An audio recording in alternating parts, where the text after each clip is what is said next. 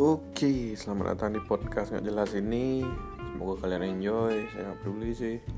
Sorry kalau gue ada ngejek orang, sorry kalau gue ada ngejek organisasi, agama atau apa.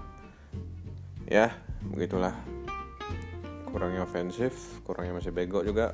Karena gua mahasiswa. Hidup mahasiswa.